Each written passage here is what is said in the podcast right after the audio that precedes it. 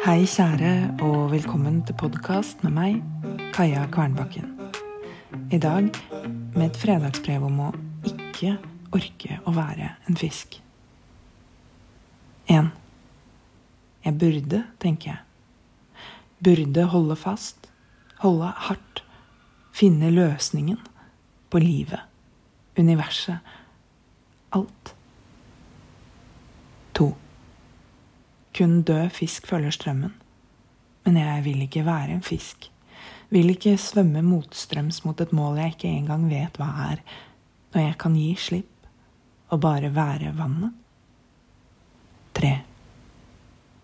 Hva om jeg ikke holder verden oppe med mine to spinkle hender? Da raser alt. Men det er bare en illusjon. Det er verden som holder meg, og ikke motsatt. Det føles uansvarlig, som om jeg gir opp. Og kanskje er det nettopp det jeg gjør, men jeg orker ikke kjempe lenger. Orker ikke kjempe mot meg selv.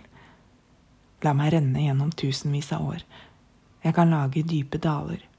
Male fjell ned til de fineste sandkorn.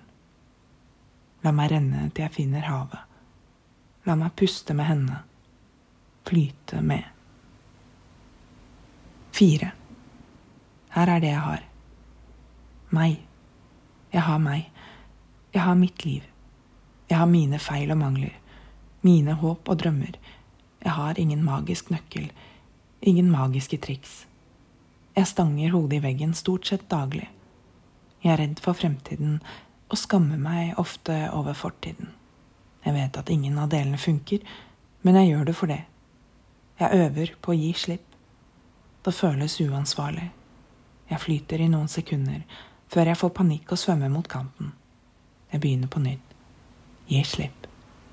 Stor klem. Din Kaja.